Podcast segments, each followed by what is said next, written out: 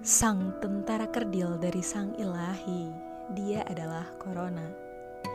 Virus ini bisa melumpuhkan kekuasaan dunia. Tubuhnya sangat mungil dan ia tidak sendirian. Tentu membawa pasukan.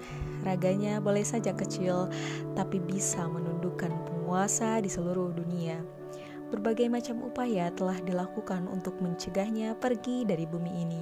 Sayang seribu sayang, tugasnya sebagai tentara dari sang ilahi belum selesai. Korbannya terus bertambah. Apa mungkin dia tak pantang menyerah, menghabisi semua nyawa tanpa berceceran darah? Ukurannya kecil, kerdil seperti debu, tapi banyak orang-orang kocar kacir tak karuan mencari stok makanan. Segala macam keperluan medis diendapkan, yang mereka kuatkan bukan keimanan, malah hawa nafsu haun, cinta dunia dan takut mati. Dengan adanya wabah ini, ada yang Allah tuju untuk kita Mungkin Allah melarang kita bermegah-megah hingga persediaan makanan tak lagi cukup untuk di rumah. Mungkin Allah menyuruh kita di rumah agar kita tidak banyak maksiat di luar sana. Allah menyuruh kita rajin mencuci tangan karena Allah tahu hambanya yang jarang berwudu untuk beribadah kepadanya. Kita dianjurkan untuk memakna, memakai masker.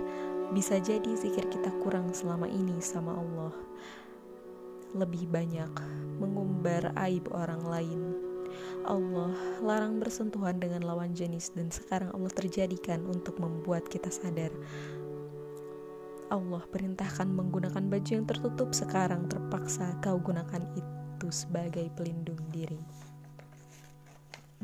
Mungkin sekarang Allah sempitkan rezeki kita karena bisa jadi kita kurang bersyukur dengan rezeki yang sudah Allah beri. Sadarilah, renungkanlah hidup ini hanya sementara. Kekuasaan tertinggi hanya pada Allah sang ilahi penguasa bumi ini. Sekarang waktunya kita berbenah dari wabah agar Allah ganti dengan Ramadan bulan penuh berkah serta kita dikembalikan kepada fitrah.